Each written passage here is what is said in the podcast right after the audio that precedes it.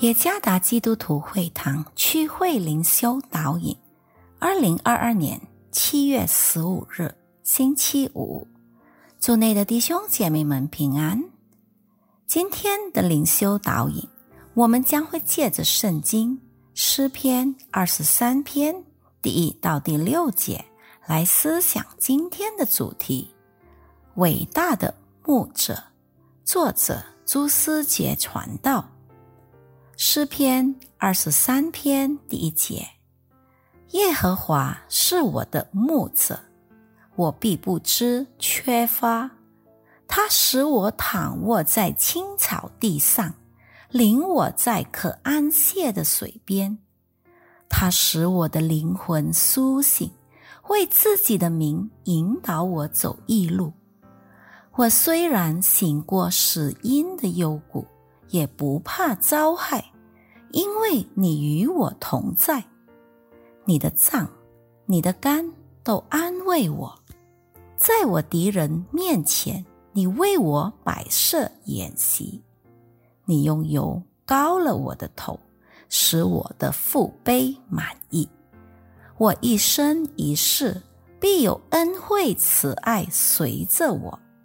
我且要住在耶和华的殿中，直到永远。绵羊可说是非常弱小的动物。当夏天来临时，它在平原上很难找到草和水，因此绵羊必须爬上陡峭的山坡，才能得到绿草和淡水。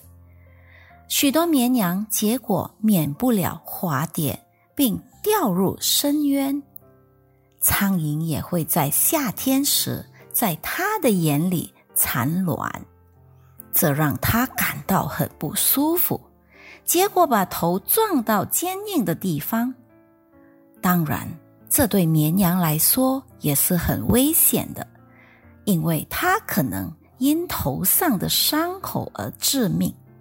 更何况，它总是因为无法与想要吞噬它的野兽战斗，而受到危险的威胁。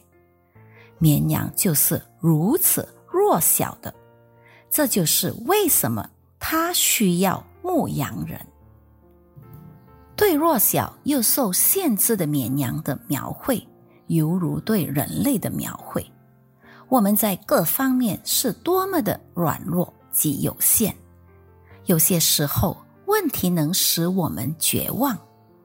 职场上的工作、家庭以及其他方面的沉重负担，经常使我们无能为力。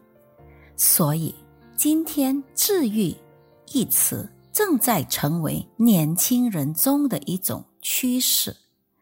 因为过去的二零一九冠状病毒疫情已经成功的唤醒了人类是多么的脆弱，因此人类需要上帝，如同没有牧羊人的绵羊，它将成了野兽的食物；同样，没有上帝的人类，他们的生命也是徒劳无功的。今天我们依靠什么来指导我们的生活呢？是我们的聪明智慧吗？我们青春的力量？我们是否依靠我们的财富？